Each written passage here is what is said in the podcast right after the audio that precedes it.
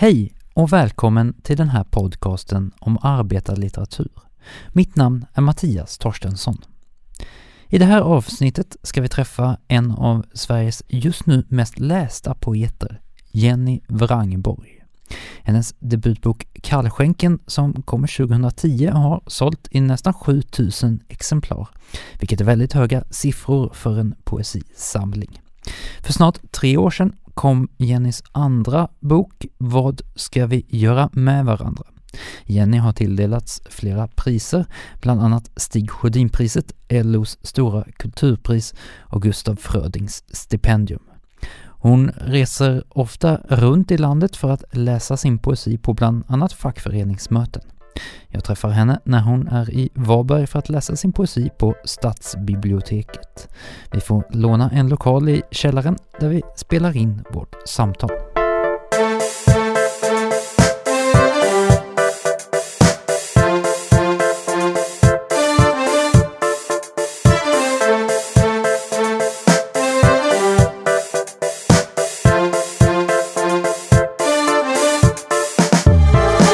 Jenny Wrangborg, hej! Hej! Eh, vilken är poesins uppgift enligt dig? Jag tycker inte nödvändigtvis att poesin måste ha en uppgift eller har en uppgift, men jag ser att min poesi, min poesi har en uppgift. Eh, jag vill skriva, inte bara för att beskriva, utan också för att försöka förändra hur samhället ser ut. Eh, så min poesis uppgift är att eh, beskriva det samhälle som jag ser utifrån min plats i samhället eh, och inspirera till, att, till kamp för att förändra det och kanske en bild av hur samhället skulle kunna vara istället. Och det gör du då genom att skildra det samhälle som du lever i? Precis. Det är det. Eh, har du, eh, alltså jag tänker så här, vad skiljer en dikt ifrån en debattartikel? Jag skulle säga att den största skillnaden är att det är enklare att få folk att lyssna på det man säger när man eh, skriver litteratur än när man skriver en debattartikel. Eh, I politiken så är rollerna väldigt låsta. Eh, man vet egentligen redan vad man ska tycka när man går in i en debatt. Eh, och det är svårt att nå folk men genom det känslomässiga och litteraturen då så tror jag att det är enklare att få folk att upptäcka en annan syn på världen. För jag har läst många av, av eh, de recensioner av dina böcker och där recensenterna tar alltid upp eh, det här om att inte bli för politisk och agitatorisk eller propagandistisk. Eh, är det så att, att en dikt får inte vara på det sättet?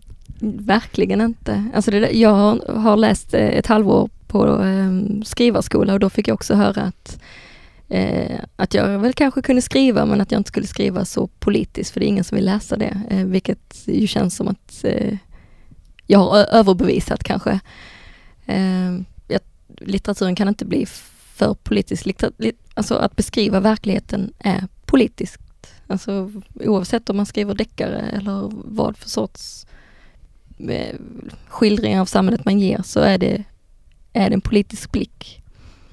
Hur menar du att det är politiskt?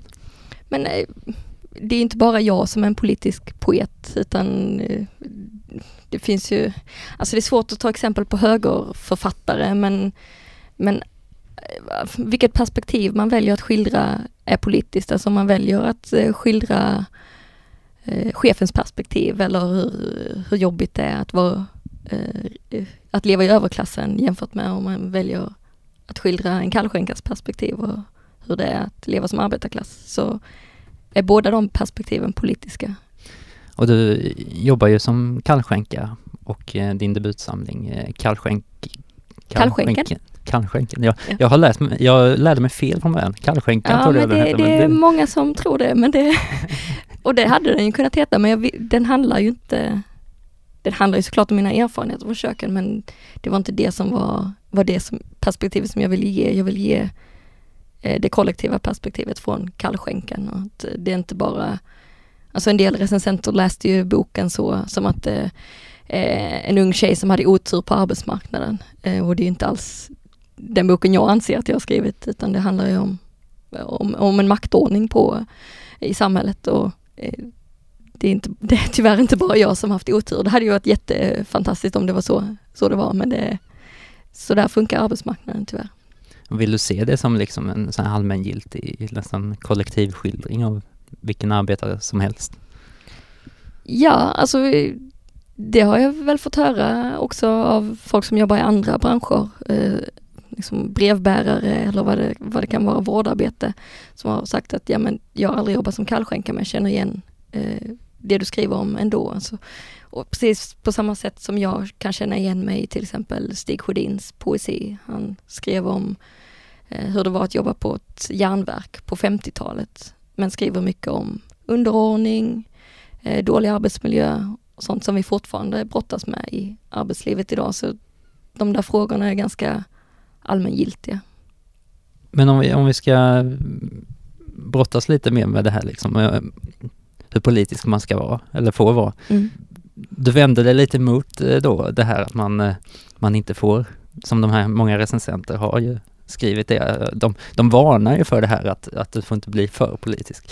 Ja, alltså det beror på i vilken litterär offentlighet man verkar tror jag. Det finns en, en annan litterär offentlighet eh, än just recensenterna i de stora tidningarna. Eh, jag tror att man ska akta sig för att lyssna på dem för mycket för att eh, de är inte intresserade av den förändringen som jag eh, är intresserad av kanske. Eh, men mot det så finns det ju en, har jag ju märkt att man kan skriva väldigt politiskt och ändå nå ut med sina böcker. Man behöver inte vara rädd för att skriva för politiskt. För eh, den andra litterära offentligheten som jag verkar i, liksom inom arbetarrörelsen, eh, där finns det ett behov av de här dikterna och de fyller en funktion genom att Alltså jag får ju vara runt, jag åker runt och läser mina dikter ofta på fackmöten och politiska möten och sådär. Eh, och där används dikterna på ett annat sätt. Det är inget problem att de är politiska utan det är en ingång in i att diskutera sina egna arbetsvillkor eh, och liksom hur man kan förändra hur det ser ut på arbetsmarknaden och så vidare. Så visst finns det folk som tycker att jag skriver för politiskt men skulle jag lyssna på dem och skulle jag lyssna på min lärare på skrivkursen som jag gick så skulle de, mina böcker inte ha skrivits. Eh, och jag tycker ändå att de, de har fyllt, fyllt en funktion och fyller en funktion. Ja, för din debutbok sålde ju väldigt mycket, 7000 exemplar. Precis. Um, vad har, du var inne lite på det, vad har arbetarrörelsen betytt för, för ditt genomslag? Väldigt mycket. Uh, hade min bok inte recenserats i fackföreningspress till exempel så hade inte de eh, stora tidningarna sen följt efter och recenserat den. Alltså det var inte en traditionell diktsamling som kom ut och vi hade väl inte någon, det var ett helt nystartat förlag som gav ut den, ett väldigt litet förlag. Eh, det fanns väl ingen riktig eh, erfarenhet av hur man jobbar med poesi och lanserar böcker och sådär. Eh, så i, i början så recenserades den bara av eh, fackföreningstidningar och ju mer tidningar som recenserade den, desto Alltså jag tror inte de stora tidningarna börjar recensera den förrän efter ett år ungefär och så fungerar inte det i vanliga fall. Um, så, och det var ju också på grund av att jag fick göra så många läsningar inom arbetarrörelsen som, som jag fick den uppmärksamheten sen att det gick att undvika att recensera den. För det, det är ju väldigt många diktsamlingar som inte recenseras och väldigt mycket arbetarlitteratur som inte når de stora tidningarna. Så. Många poddar skulle jag säga också. Ja, absolut. Jag har varit med i många fackföreningstidningar men ja. inte något annat. Nej, Nej men, det, men det, fackföreningstidningarna når ändå väldigt mycket folk så det ska man inte underskatta kraften i, i det. Alltså det, är eh, det är ju miljoner människor som läser fackföreningstidningar i Sverige så att så det, det har betytt, betytt väldigt mycket för mig också i form av de stipendium och så jag fått av fackföreningar eh, och prispengar eh, som gjort att jag kunnat eh, jobba deltid med kallskänkeriet och skriva på deltid också som gjort att jag faktiskt kunnat skriva mer. Ja, hur viktigt eh, var det att, eh, att jobba samtidigt som du, du skrev? Ser du det som en nödvändighet för att du skulle kunna producera den här boken? Jag jobbar fortfarande som kallskänka. För mig är det ett sätt att behålla en kontakt med, med dels är det såklart också ett sätt att försörja mig. Det, man tjänar inte jättemycket som poet. Men det är också ett sätt att hålla kontakt med, med mitt vanliga jobb och ett sätt, för mig gör det också att jag skriver väldigt mycket bättre. Alltså har jag bara tid att skriva så kan jag skriva imorgon eller nästa vecka eller nästa år istället. Men så länge jag jobbar också och har lite tidspress så, liksom, så hjälper det verkligen med att komma igång med skrivandet också. Och kallskänka skrev jag i någon sorts utmattning på väg hem från jobbet. Och det är mycket så jag har skrivit så det, det hjälper också med den där utmattningen. Eh, är, är poesin, jag, jag vänder lite på frågan här, är poesin på något sätt ett hinder eh, för ditt arbetsliv? Alltså det du skildrar är ju ditt arbete. Finns det, finns det en risk där att, att din arbetsgivare inte tycker om det? Ja, det finns det. Eh, men än så länge har jag inte haft jättemycket problem med det. Alltså jag har haft, det var ett tag jag jobbade i Norge då jag skrev om mitt jobb eh, samtidigt i, i norska klassekampen eh, och på min blogg och tänkte att nej, men de har ingen koll på mig, det här är inte Sverige. Eller liksom. Men det hade de. Jag, det var en förskräcklig arbetsplats och jag orkade inte jobba kvar så länge men precis efter jag hade slutat där så fick jag ett mail från chefen som var väldigt upprörd. Annars har in, inte några gamla chefer hört av sig så. Jag har ändå, jag skriver, jag försöker att inte skriva ut vilken arbetsplats jag jobbar på just nu så att jag ska kunna skriva om jobbet. Alltså vi har ingen yttrandefrihet på arbetsmarknaden så om jag skriver något om min nuvarande arbetsgivare så kan de ge mig sparken. Så man, jag har försökt vara lite smart där och kallskänken kom inte ut förrän jag hade slutat på de arbetsplatserna som den boken kretsar mycket kring. Eh, men drömmen hade ju varit att man faktiskt, eh, att vi faktiskt hade yttrandefrihet på arbetsmarknaden också så att man skulle vara fri att kunna eh, skriva om det som händer just nu också.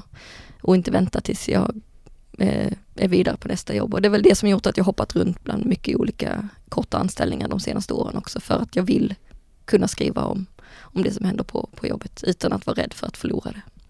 Ja, hur stor är den utmaningen för litteraturen? Beskriver ju ofta någonting som har skett tidigare mm. eh, och, och, det är väldigt svårt att kanske skriva eh, att släppa nära på eller så här, du kanske måste bearbeta händelser och så. Mm. Finns det någon utmaning där som du ser? I att skildra samtiden och då påverka samtalen? Eh, eh skildra samhället men påverka samhället men ändå göra det idag liksom? Ja, alltså litteraturen har ju den fördelen att man kan vrida på det som man varit med om. Alltså man, jag kan ju jag skulle ju kunna skriva om ett jobb men låta det utspela sig i ett annat land eller i en annan stad och, och då skulle det vara svårare att, att säga att så här kan du inte skriva om, så här kan du inte skriva Jenny för då får du inte jobba kvar. Eh, men vill en arbetsgivare göra sig av med en så har, hittar de alltid något sätt. Liksom. Så att, och tyvärr så har jag väl också märkt att det är farligare att vara eh, fackligt aktiv än att vara poet. Alltså det hotet som arbetsgivarna känner när man organiserar sig är värre än när jag skriver en dikt om hur det är på jobbet. Och det säger väl en del om, om var den politiska förändringen äger rum och hur stor makt litteraturen har. Men Därmed inte sagt att jag inte tror att litteraturen spelar roll, för då, i så fall hade jag inte skrivit. Men vill man, vill man förändra ett samhälle så räcker det inte bara med poesi. Då måste man göra någonting också. Men vilken eh, roll fyller poesin där? Jag tror att poesin kan inspirera. Eh, att det, alltså, man, kan, man kan genom litteraturen och poesin inse eller se var man själv befinner sig i samhället. Eh, känna igen sig i en situation och tänka, men det där har jag ju också känt. Eh, kanske är det någonting här som, som jag har gemensamt med de här människorna. Eller, eh, så jag tror, och det har jag väl märkt lite med kallskänken också, att jag fått mejl av folk som läst den och eh, sen sett till att göra någonting åt hur det ser ut på deras arbetsplatser. Så att inspirera och få en att upptäcka var i samhället man befinner sig och vilka man skulle kunna kämpa tillsammans med. Ja, och du åker runt mycket och, och läser din poesi på olika fackföreningsmöten och, och så vidare. Eh, vilka kommentarer möter du när du är ute och, och läser? Det är mest positivt, men eh, alltså det, det, är inte alla som gillar poesi heller. Eh, men där tror jag och hoppas jag att jag har eh, som, fått folk att övervinna lite av sina fördomar om poesi. Alltså och jag har ju också fördomar om poesi och innan jag själv började skriva så tänkte jag att poesi var tvungen att vara något väldigt högtravande och det skulle handla om naturen och sådär. Eh, men det behöver det inte vara, det kan handla om det som är eh, nära en, det kan handla om hur det var på jobbet idag, hur stämpelklockan ser ut och liksom sådär. Ehm, men så det är oftast positivt och jag tror att det får folk att sätta, sätta igång tankarna hos folk att själv fundera över sina arbetsvillkor och kanske till och med börja sätta ord på det. Märker du att det finns ett ökat, eh, så här, du släppte din första bok 2010. Mm. Eh, har det hänt någonting under den här tiden eh, som du varit ute och läst? Märker du en skillnad? Jo men det tycker jag. Också i hur man diskuterar politisk poesi. Alltså för recensionerna på Kallskänken var ju väldigt eh, ja men det är väl bra att hon beskriver hur det ser ut i restaurangbranschen men måste hon eh, uppmana till kamp, alltså så. Men nu så ser man väl att fler och fler poeter eh, skriver politiskt och att det, det får ett annat mottagande. Eh, och kanske att arbetarrörelsen också blivit lite bättre på att, eh, på att ta tillvara på, på de poeter som finns. Och om man ser i föreningen Arbetarskrivare till exempel så har vi växt väldigt mycket de senaste åren. Och det... Ja, en förening som där du är ordförande. Då. Precis. Mm. Eh, och vi samlar ju både etablerade författare men också helt eh, okända, hittills helt okända författare och folk som kanske skriver men aldrig vill, skulle visa det för någon men, och andra som bara är intresserade av arbetarlitteratur. Men vi har, vi har växt väldigt mycket eh, och det finns ett stort intresse av att både läsa och skriva arbetarlitteratur. Eh, så jag skulle väl säga att det är en, vad, vad säger man? Det är hög, hö, inte högsäsong. Högkonjunktur. ja, det, det är arbetarlitteraturens eh, stora tid är nu, tror jag. Och vad beror det på då? I grund och botten så tror jag tyvärr att det beror på hur eh, de försämringar vi sett eh, för arbetarklassen de senaste eh, årtiondena. Eh, fler känner ett behov av att berätta om om den här nästan parallella verkligheten som inte officiellt finns kanske.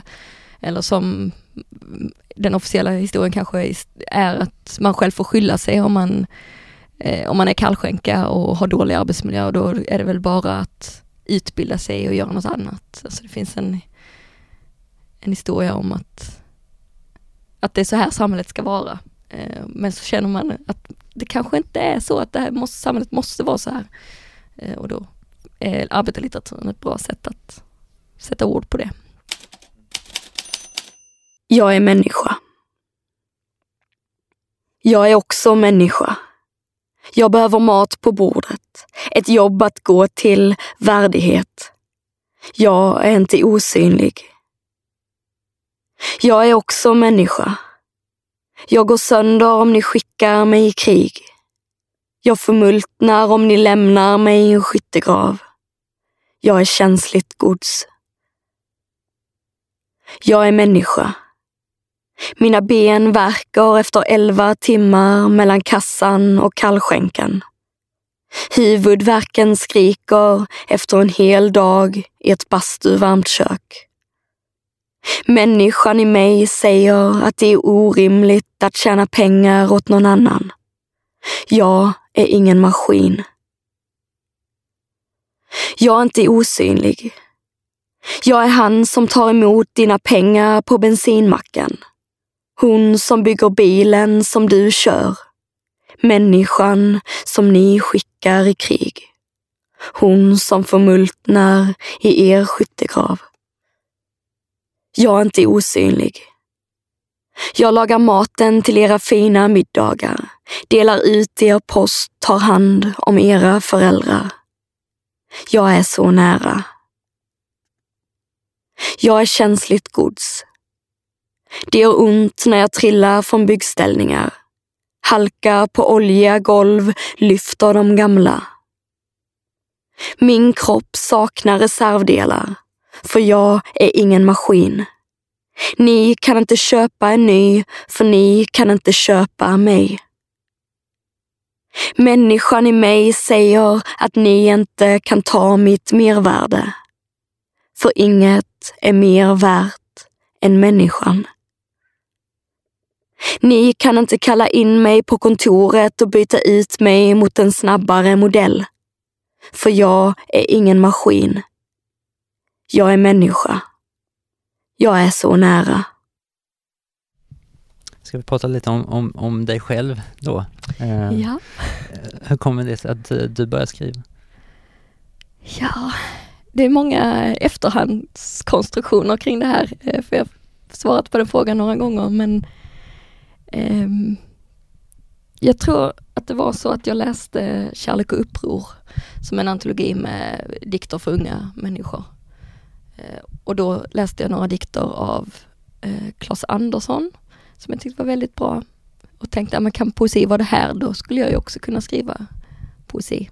Men jag var, jag var fotbollstjej eh, och det var inte häftigt att skriva poesi direkt. Så jag vågade inte visa, och jag tyckte ju att jag skrev skitdåligt. Eh, så jag vågade inte visa för någon, inte ens för min tvillingsyster berättade jag för, eh, inte ens för henne berättade jag att jag skrev. Så det dröjde tills jag var 17 kanske, innan 16-17 då eh, då insåg jag att det fanns något som hette Poetry Slam. Eh, och att man kunde få läsa sina dikter på scen. Innan dess hade jag publicerat anonymt på internet också, fått lite uppmuntran på det sättet. Så, ja.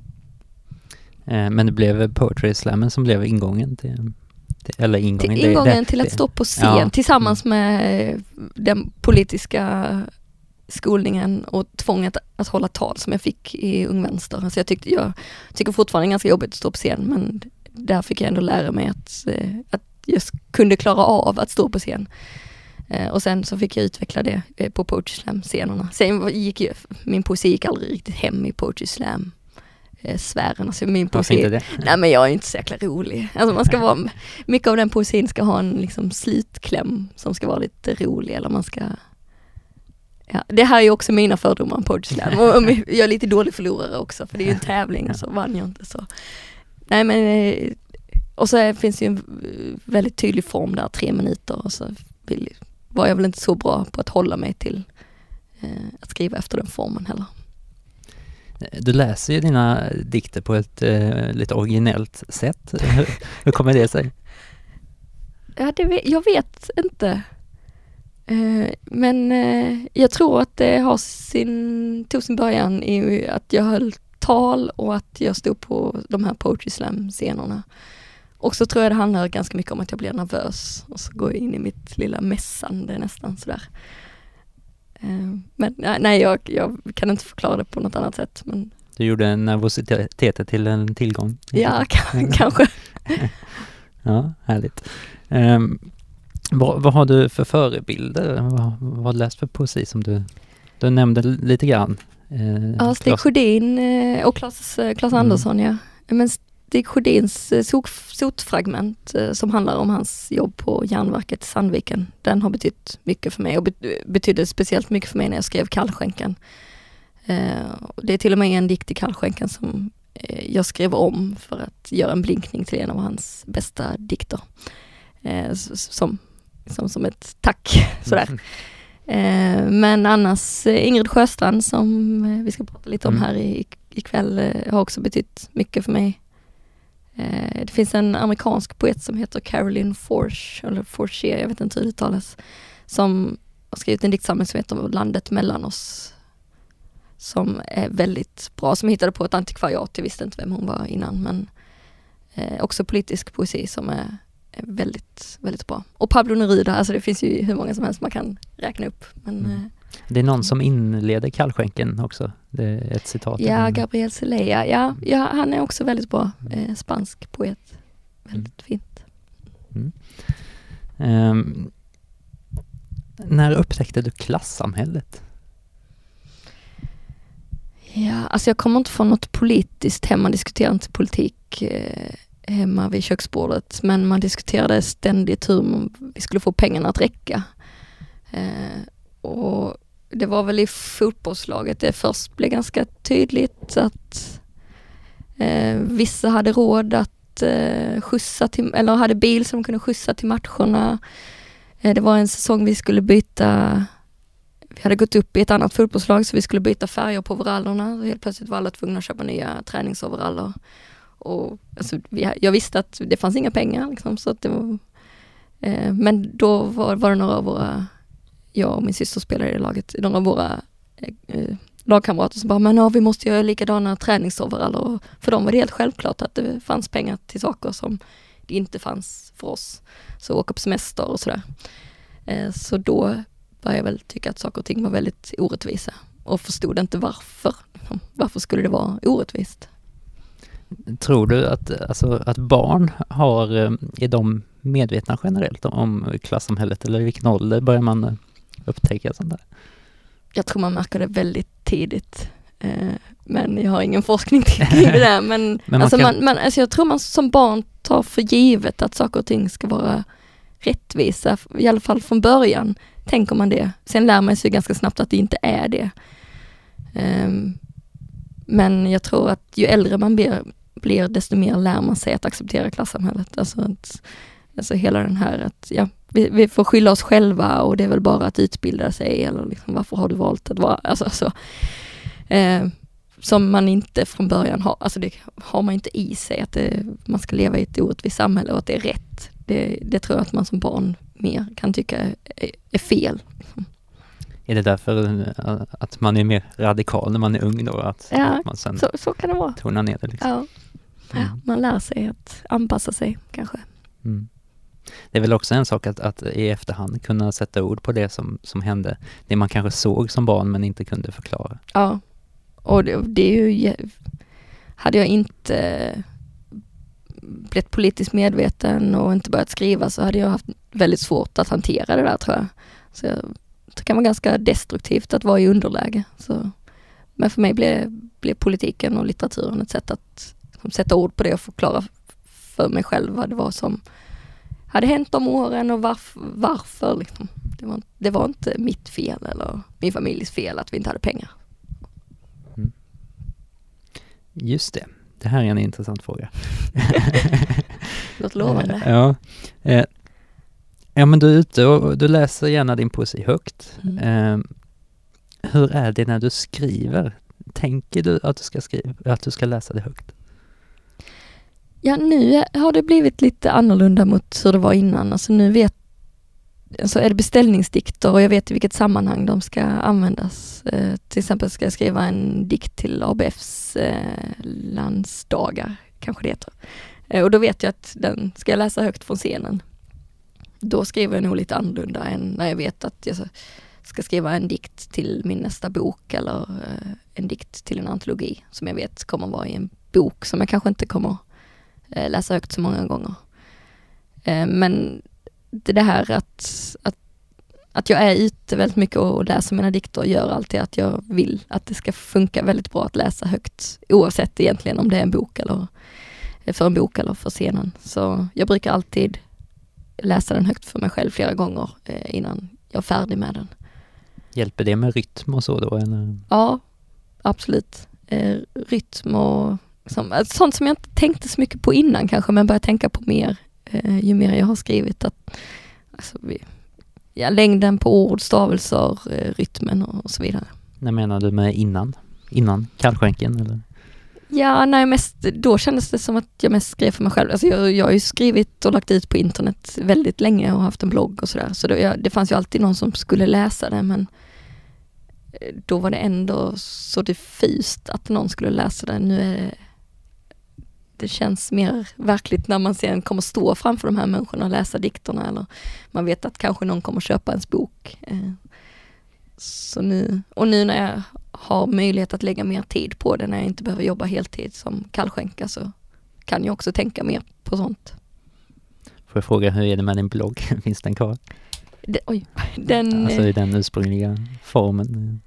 Jag har haft lite olika bloggar. Jag hade faktiskt en som hette Kallskänken som handlade om kaféet på Avenyn eh, som jag jobbade länge på. Ehm, där jag skrev, det var inte så poetiskt utan det handlade mer om, om arbetssituationen där. Som jag sen var tvungen att plocka ner för att ja, vi skulle söka nytt jobb och då ville jag inte att det skulle gå att googla. Men min blogg 10 meter över havet ligger kvar eh, ute på internet. Men det är bäst om ingen kollar på den för det är så mycket konstigare. Ja, det, är, det är ett avslutat kapitel men den, den finns där som ett, ett minne av, av mitt liv då kanske. Men det är alla, alla ungdomar som, som ångrar att de en gång i tiden ville skriva offentligt. Ja, ja men jag, jag, skä- alltså jag skäms inte för det men eh, jag skulle kanske inte vilja ha en bok eller sådär. Mm. Eh, nej men jag går in där och läser ibland men eh, alltså det är ju med ett annat perspektiv. Jag tittar på det nu. Så kanske det blir med mina böcker om tio år också. Att jag kan, nej jag, jag vet inte hur alls jag kommer känna för dem då men Eh, ja, alltså det var ju ett Nobelpris eh, här om året, förra året, som tilldelades en, en, en muntlig poet om man säger så. Mm. Eh, vad tyckte du om det? Ja men det var väl roligt. Eh, att det var någon man kände till. Sådär. Eh, Men i så fall hade jag ju hellre velat att det skulle gå till Leonard Cohen. Men eh, nu är ju inte jag med och väljer. som tur är kanske. Eh, men Jo men det var, alltså det är ju roligt att också, för speciellt sångtexter har betytt väldigt mycket för mig i mitt skrivande. Jag läste inte så mycket böcker när jag var yngre. Eh, speciellt inte särskilt mycket poesi.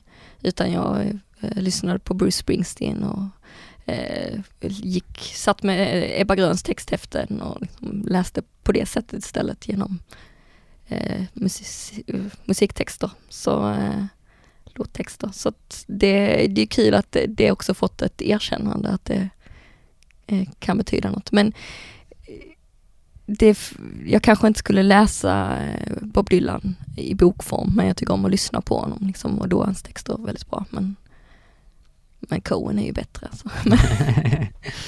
Men, Eh, Men ser vi att, att den muntliga berättarkonsten gör liksom återkomst nu? Den var ju, det var ju så berättartraditionen en gång i tiden började, man Ja. berättade muntligt. Och vi ser ett ökat intresse för ljudböcker och ett Nobelpris till en artist. poddar. Och poddar och, ehm, ja, det finns väldigt mycket skräckpoddar, alltså jaha, ber- okej. skräckberättelser. Ja, Det är väldigt populärt. ja. Ehm, ser vi liksom en, en återkomst, det muntliga berättandet? Ja, det gör vi kanske. Men jag ser också hinder med att det skulle vara så. För till exempel så eh, finns det inte så mycket stöd till kulturen och det talade ordet som det fanns förr kanske. Alltså det, biblioteksprogrammen är inte lika omfattande och det är svårare att försörja sig som eh, poet kanske än det var tidigare. Så eh, det kanske är så men man kämpar nog lite i motvind ändå tror jag. Alltså som, som poet idag i, i det moderna samhället med digitala medier, vad, vad finns det i, eh, i de digitala kanalerna som, som finns, måste du använda dem som poet och hur använder du dem? Måste vet jag inte men jag, det underlättar för mig.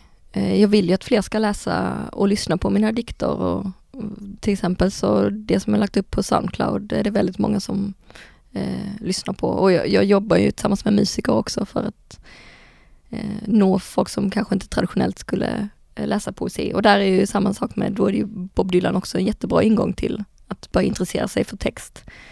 Eh, så det, är ju, det tror jag ju definitivt på. Eh, och sen är väl det här med sociala medier och sånt, ett, det är både bra och dåligt. Alltså för att nu lägger man tid på det som man kanske skulle kunna använda till att skriva istället. Men för att vara aktuell så eh, måste man kom, själv jobba mer med att nå hit kanske än man gjorde tidigare. Så eh, det är både bra och dåligt tror jag.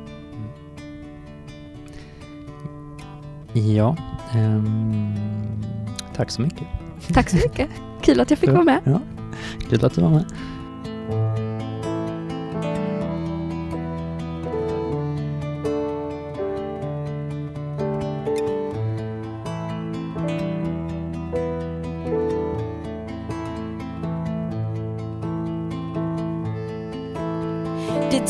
Tag innan vi hittar varandra i ett jävla helvete bakom kassan. Vi hade lika mycket fördomar om varandra som alla andra hade om oss. Vi var unga, skulle bara jobba extra, blonda idioter klarade oss bäst själva. Facket kostade bara pengar. Ingen var intresserad ändå, hade fullt upp med annat. Skulle snart slå igenom.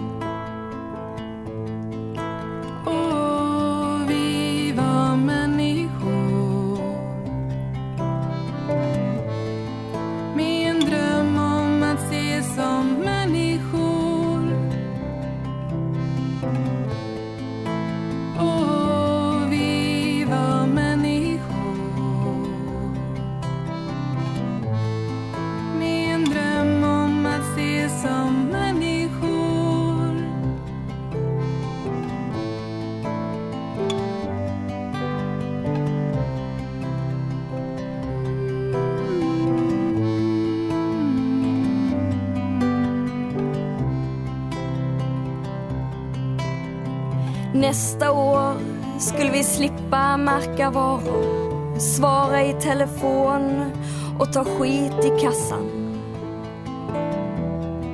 Nästa år skulle vi hitta drömjobbet, komma in på universitetet, få vår bok utgiven. Nästa år som kom och gick med julrush och underbemanning.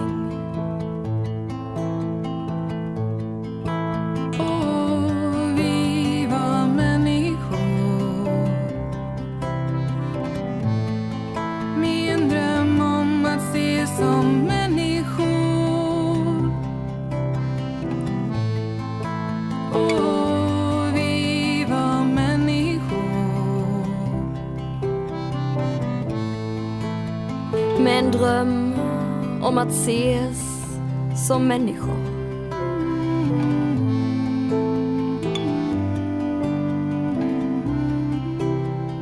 Vi var alltid på väg någon annanstans. Utomlands, tv-studios, studior.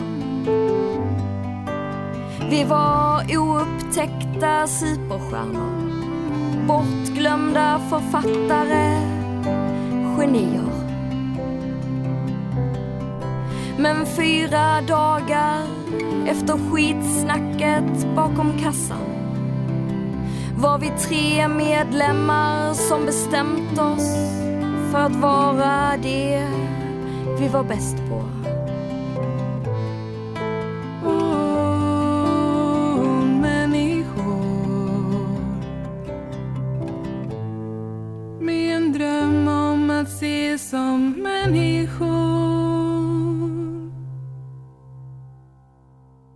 Tack Jenny. Och tack till dig för att du lyssnat. Jag är tillbaka igen om en vecka, då med ett avsnitt om statarna. Jag har besökt Statarmuseet utanför Malmö för att få en bild av hur statarna levde. Vilka var de? Vad läste de? Och hur har de skildrats i litteraturen? Lyssna då. Tills dess, ha det så bra. Vi säger så.